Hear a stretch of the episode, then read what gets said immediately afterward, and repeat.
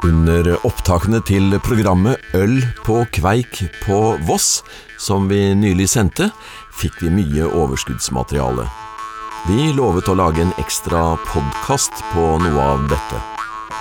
Vi starter på Finnesloftet, en fantastisk bygning i tre, oppført i 1295 og landets eldste stående gildehall, som er bygget i tre. Det er lokalhistoriker og kjenner av loftet, Knut Finne, som forteller. Ja, han er attpåtil nabo. Her har vi en oversikt over alle eiere av uh, Finnegodset på Voss tilbake i mellomalderen. Og øh, hvis en ser på navnet her, da, så er det jo påfallende hvor mange kvinner det er som har vært eiere og aktive forvaltere av ja Finnesgodset, som, eh, som, var rett og slett et privat eh, eiendomsselskap i mellomalderen. Hva kommer det av? Ja, eh, det var kanskje mer naturlig enn vi tror i dag. Eh, jeg pleier å si at eh, kommer du inn i Finnesloftet og studerer historien her, så får du ikke bekrefta fordommene dine om mellomalderen. Så eh, litt tilfeldigheter er det jo sikkert òg, men at kvinners handlingsrom var mye større enn det vi forestiller oss, eh, ser en tydelig her. Det er faktisk eh, flere Du finner flere kvinnenavn her. og du, du Gudrid Audfinnsdatter, Ingebjørg Simonsdatter, Gjertrud Jakobsdatter Rømer. Da er vi oppe på 1400-tallet, eller eh, ja, slutten av 1300. Og du har Åsa Håvardsdotter. Magnhild. Og Magnhild Oddsdotter som var ambisiøse og dugende forretningskvinner på 1300- og 1400-tallet. Vi kan òg nevne at på den tida gildene som var snakk om tidligere, de var åpne for kvinner. Det var ikke bare for menn. Kvinner, og Det står òg i loven at kvinner òg kunne være med. Og De hadde nok en sterk posisjon og arva. Sånn som så de arva sånne eiendommer som dette her, så forvalta de de òg. Og de drakk øl? De drakk kveikøl.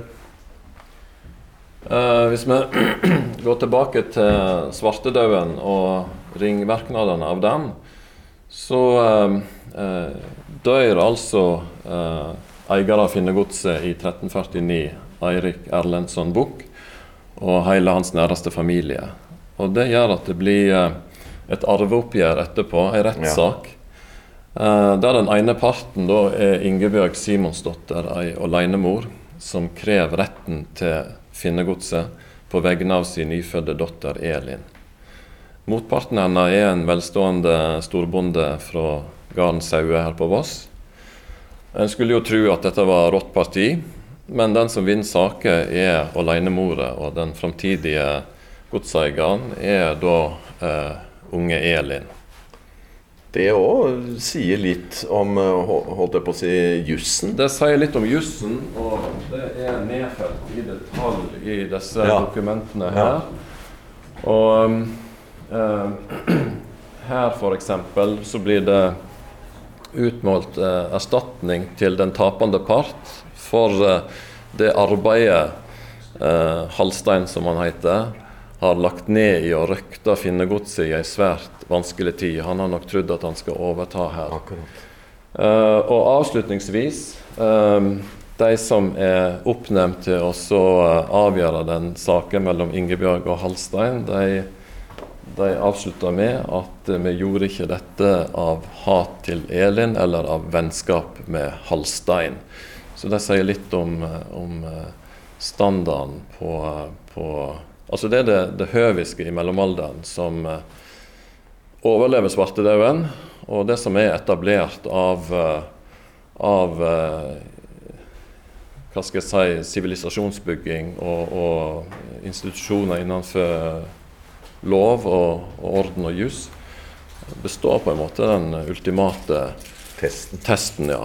Og, og, og, fungerer faktisk eh, etter svartedauden. Altså rettssikkerheten på Voss i månedene etter svartedauden kan faktisk måle seg med slik den er i dag.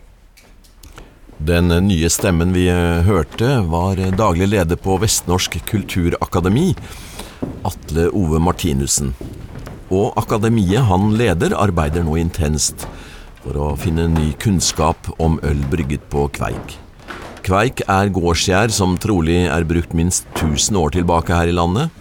Det unike med Kveiken er at det gjærer på 39 grader, og ølet blir ferdig på to-tre dager.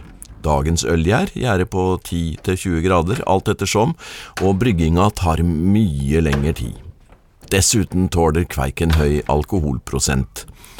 Men eh, vi vender tilbake til Knut Finne, som har mer å fortelle om eh, Finnsloftet, som er veldig godt dokumentert. Her er kanskje noe som vi kunne ha nevnt. Det er et diplom fra 1329. Og det er altså eh, eh, Vossaleidangen, dvs. Si, eh, den skatten eh, vossingene er pålagt å betale eh, til eh, kongen. Ja. Og den eh, blir ført fra Voss til Kongsgarden i Bergen. Og i 1329 så er det Alfinn på Gjerdet som eh, har ansvaret for dette. Og eh, det er store mengder eh, kjøtt og korn og malt som blir ført til Bergen. Mm.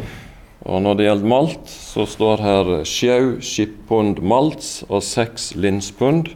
Og omregna i kilo så skulle det bli 870 kilo malt som vossingene da eh, førte til Bergen. Ja. Jeg vet ikke hvor mange liter øl Det blir eh, ganske mange tusen liter med øl, ja. Så ja. de krigerne som har fått dette, de har nok gjort seg fortjent til det. Nå skal vi til Mølstertunet. Det ligger bare noen minutter eh, unna Finnesloftet.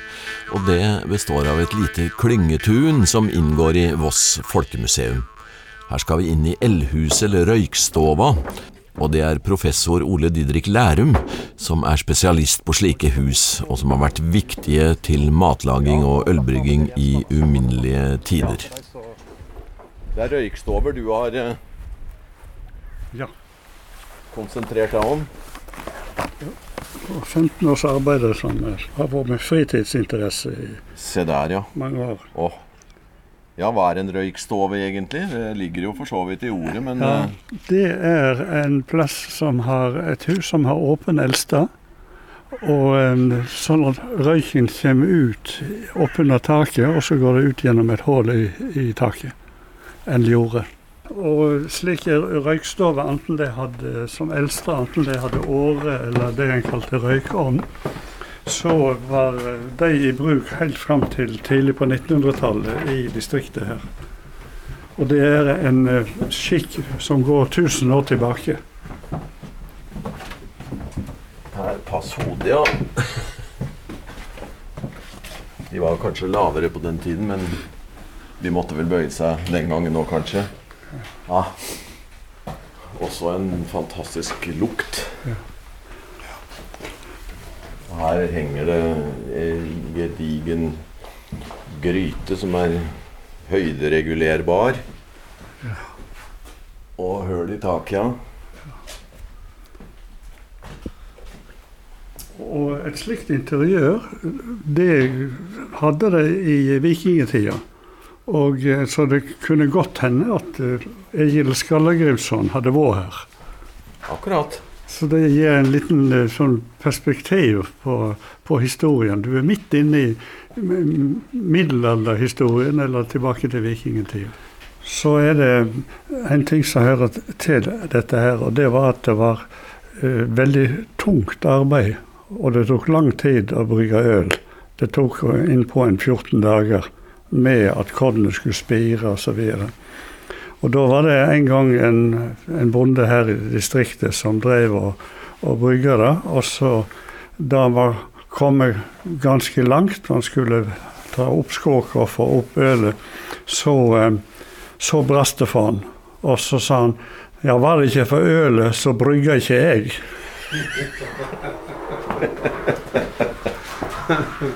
Hva er det egentlig med Voss og øl?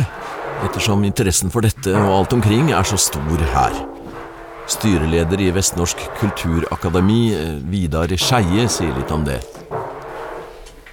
Ja, Voss er jo en typisk landbrukskommune, og er den største jordbrukskommunen fra Trøndelag i nord til Jæren i, i sør.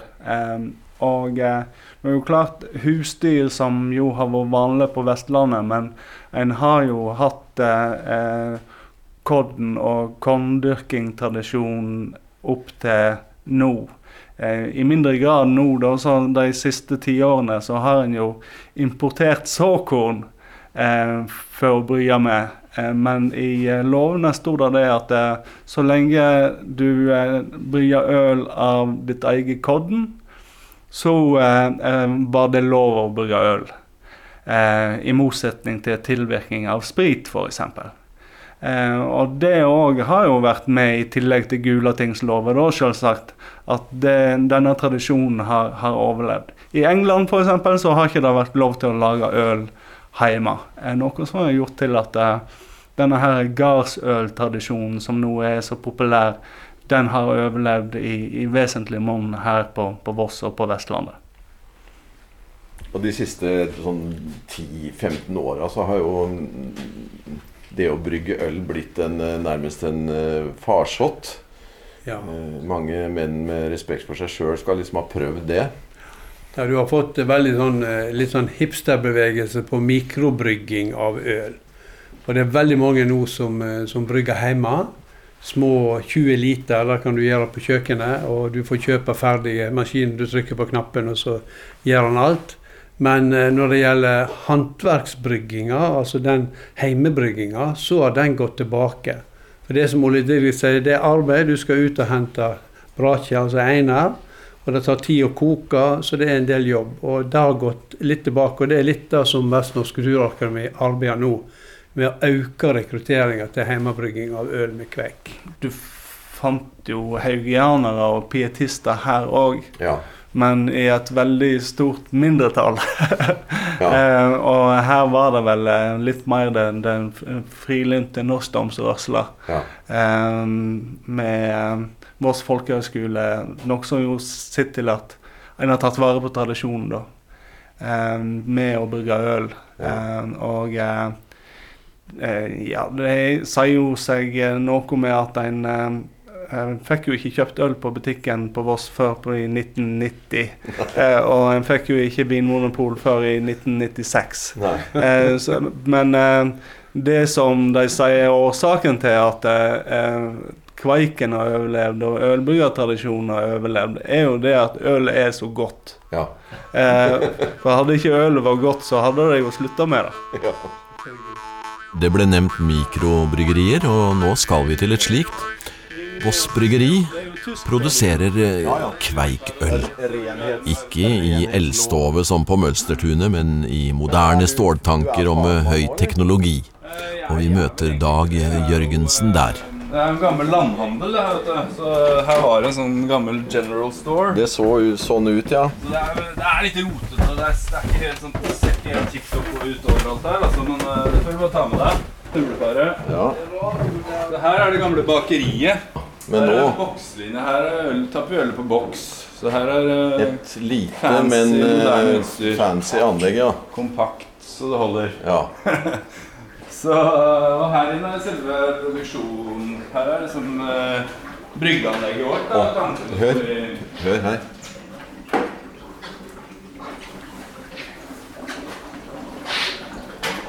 Det er ikke noe tull. Ja, Her hører du lyden av et kveikøl som vi brygga i går. Og som du hører, så er det allerede ganske god aktivitet her i, i det gjæringskaret her. Ja, Det som kommer ut nå, er Det er CO2, som er et eh, biprodukt av at gjærsoppen da spiser det gjærbare sukkeret i vørteren og promper CO2 ut av tanken og lager alkohol også.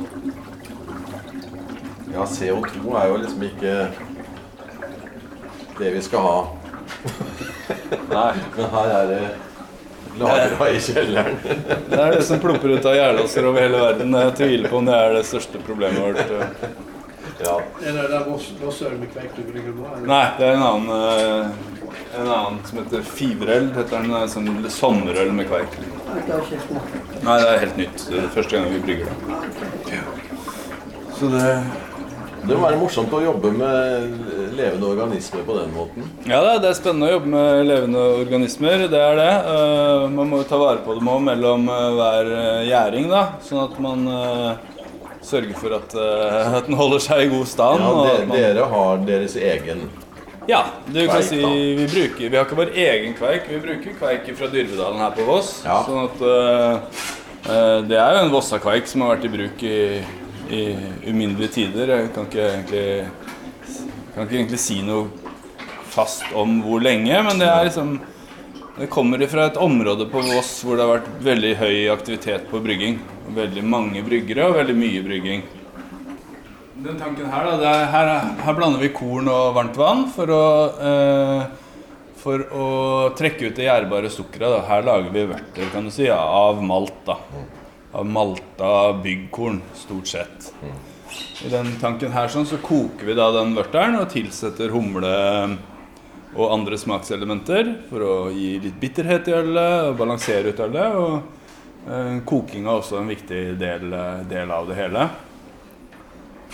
Og resten av det du ser her, er stort sett gjærings- og klarningstanker hvor ølet står og gjærer. og De har en egen fasong. Og så har vi egen, uh, egne klarningstanker hvor vi kjøler ned ølet kraftig og klarner ut alle partikler og bunnfeller alt som ikke vi vil ha med i det ferdige pakka produktet. da.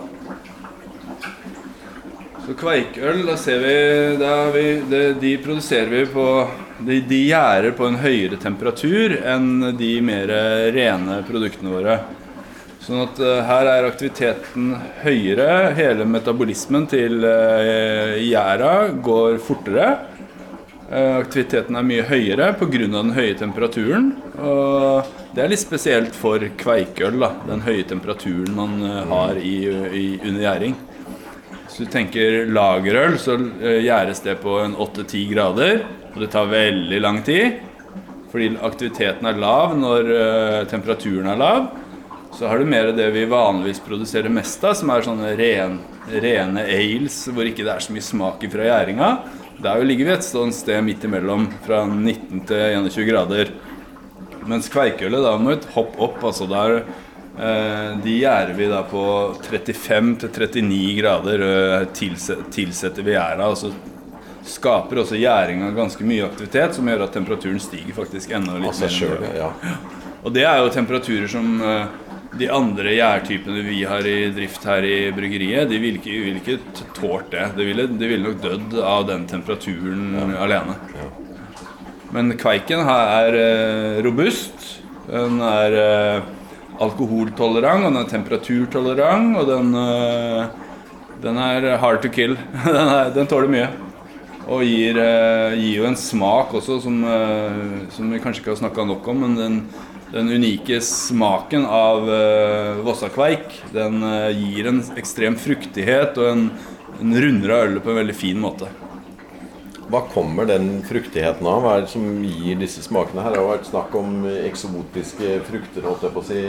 Så tenker jeg da er det noe man tilsetter, da, men det, det, er i kveiken? Det er et biprodukt. Det er estere, heter det. Det er um, egentlig en blanding av syre og alkoholer som eh, er et biprodukt av den gjæringsprosessen. Så Forskjellige gjærtyper gir forskjellige bismaker. En del belgisk øl kan jo f.eks. smake litt sånn banan nesten, og nellik og en del sånne ting. Det er også estere som eh, er de smakselementene som gjæra skiller ut under gjæring. da. Bismaken, kan du si, av gjæring. Ja, det er jo noen som påstår det at eh, årsaken til at uh, kveiken er så temperaturtolerant, ja. er det at eh, vossingene har sittet og vært utålmodige etter at de har kokt vørteren. Så vil de eh, ha ølet til å begynne å gå så raskt som mulig. Eh, og det er jo flere årsaker til det, eh, spesielt to. Det ene er tid, å få dette fort i gang. Det andre er det at ølet ikke skal bli surt. Eh, og da har jo eh, eh, kveiken, som jo er jo en levende organisme, eh, blitt domestisert eller blitt tilpassa den bruken til å tåle en høyere og høyere temperatur. Sånn at til slutt så er han på ja, dobbelt så høy temperatur som annen vanlig øl gjør i dag. Akkurat, så det er utålmodigheten som har tvunget uh, gjærsoppen til å, å tåle høyere temperatur, sakte, men sikkert. Ja, og det er vel kanskje En evolusjon? En evolusjon, eh, eller rett og slett menneskelig tilpassing. Eh, så eh, kveiken er et veldig viktig husdyr på Vestlandet. Ja. Jeg tror også det at når de da De fant jo ut det at jo fortere de fikk i gang gjæringa, jo mindre sjanse var det for at ølet ble infisert av andre bakterier og ting som var i lufta. Fordi med en gang kveikgjæra får tak i vørteren og begynner å, lage, begynner å gjære og lage da, alkohol, så undertrykker du veldig mye av den andre veksten. Særlig bakterier tåler ikke alkohol noe godt. sånn at det eh, var jo en tid, Dette ble jo funnet ut i en tid hvor de brygga uten instrumenter. De hadde ikke mulighet til å måle, men de kjente jo godt til eh, gårdsdrift. Og melkevarm er jo et begrep som vi ser beskrevet i gamle nedtegninger av eh, hvordan man skulle brygge. Fordi det var et mål de kjente godt til. Kua melkevarm, ja. melkevarm, ikke sant? At de kunne ta litt av vørteren på armen og kjenne at ok, er, nå er den melkevarm, nå kan vi tilsette gjæra. Det er sånn omtrent kroppstemperatur. Ja, det er akkurat det det er. Ja. Og så En annen ting med kveiken som jeg syns er veldig spennende, er at uh, forskerne sier at uh, brygging av øl går ca. 10 000 år tilbake i tid. Da har de funnet spor etter. Og hvis vi tenker at dette kom med landbruket på Vestlandet, så er du tilbake 5000-6000 år. Og da blir denne kveiken blir som en sånn missing link tilbake til Mesopotamia og den første brygginga. Så her har vi noe helt unikt å ta vare på. Dere er ikke redd for å liksom miste kveiken, da? Eh, nei da. Fra Voss og Vest, Vestlandet? Nei, altså Som jeg har sagt tidligere, altså det som akademiet, Vestnorsk kulturakademi er opptatt er jo å få til rekruttering og få flere til å brygge. Og det at det fins kommersielle øl med kveik, gjør òg at flere blir interessert. Når de får smake hvor godt det er, så vil de òg kanskje være med å lage sjøl. Og eh, vi kan jo nevne med Untapped, denne eh, social beer drinking-appen, som nå har over 1500 ulike øl rundt omkring i verden med kveik. Så dette har eksplodert eh, internasjonalt. Så det viktigste for oss nå er jo selvfølgelig å sikre tradisjonen og rekruttere nye unge til å brygge. Og da hjelper faktisk Voss Bryggeri oss med det, med å få mer interesse rundt ølet. Ja, verden eh, må, må, ikke glemme at den kommer fra et sted. Nei, det er kjempeviktig. Og det er jo òg grunnen til at vi nå søker Unesco om å få uh, kulturarvstatus. Verdens kulturarvstatus på Kveik, hjemmebrygge med Kveik. Og det er for å få vist at dette kommer nå ifra indre Vestland, og at vi har fremdeles tatt vare på de tradisjonene her. Selv om den har vært andre plasser tidligere, så er den fremdeles levende i vårt område. og Det må vi ta vare på.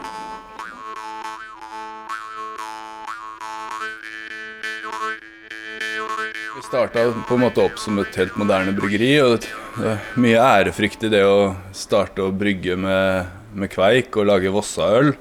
Så det tok litt tid før vi gutsa på og turte å, turte å begynne å gjøre det som vossingen har gjort i alle år. I de tradisjonelle øla med kveik så er vi opptatt av å videreføre så mange som mulig av de prosessene og teknikkene som ligger i det tradisjonelle. Sånn at vi koker fortsatt her også deler av vørteren på kobberkjele, og vi bruker einelåg, og vi, vi, vi, vi, prøver å ta vare på de metodene så godt vi klarer. Men det er klart det er vanskelig å få til kobberkjele på fullskala. Eh, når du ser størrelsen på det vi har her, så er det jo litt større, og måtte hatt mange kobberkjeler, eller en veldig stor en, hvis vi skulle fått til det. Eh, men så har dere også mm, eksportert kveik. Ja, det stemmer. Vi har fått eh, flytta Kveikøl litt ut av Norge også. Det er jo veldig gøy. I 2015 begynte det vel med USA. Og siden da så har vi eksportert også til Canada og Italia. Vi har også fått uh, Kveikøl litt på markedet der, da. Så det er veldig stas. Og utlendingene er, uh, er fascinert av hva den norske kveiken kan klare å få til med, med vørter. Visste de noe om kveik eller den type ølgjær i det hele tatt? I 2015 så var eh, kunnskapen ute i verden veldig lav, altså veldig liten. Og eh, seinere har, eh, har, på en måte ryktet nådd ut, og sånn som til både Canada og Italia, så var vel egentlig så skjedde vel den eksporten på et tidspunkt hvor eh, kveikøl begynte å få et lite rykte, et lite navn. Det var mye mystikk rundt det, tror jeg, men, men de begynte å bli interesserte den gangen, når de, når de eksportene skjedde. Var det New York Times vi så? Ja, den så en, du når du her ute? Der er kopi i vinduet her, da. Ja. Fra New York Times. Det er vel den eh, artikkelen som sto i januar i 2019. Kanskje du kan si litt om det? Jeg kan godt si litt om det. Jeg tror det, det er jo egentlig en indikator på at uh, ølmiljøet i USA har fått opp øya virkelig for uh, norsk kveik. Altså. Og det potensialet som ligger der. Hva, hva skriver de? De skriver at man bør reise til Voss for å oppleve eh, den vestnorske bryggetradisjonen, og da smake kveikøl her. Altså, det er en av, de, en av, grunnene til å reise hit til Vestlandet, da. Har det gitt noen resultater? Ja, akkurat nå er det jo litt vanskelig. Nå kommer ingen noe sted, men, men det, For vårt bryggeri så har det vel gjort det? Ja, det, det, vil jeg si. Vi, vi, så i fjor sommer at det var en del turister som kom til Voss som, ville, som var opptatt av å få smakt det ølet og følge anbefalingen til eh, New York Times. på en måte, ja. Men har de kommet hit òg, eller? For å se på? Ja, mange som vil opp her og ja. kikke. Så vi prøver å hjelpe dem så godt vi har kapasitet, da. Ja, ja for dere skal jo brygge. Vi skal brygge, og vi skal gjøre mye, mye annet rart i tillegg, så eh, vi prøver å å, vi prøver å få til det da, når folk gjerne vil opp her og kikke når det kommer sånne Quackpackers. og til slutt må jeg takke ølbrygger og kveikentusiast Ivar Geitung for flott munnharpespill.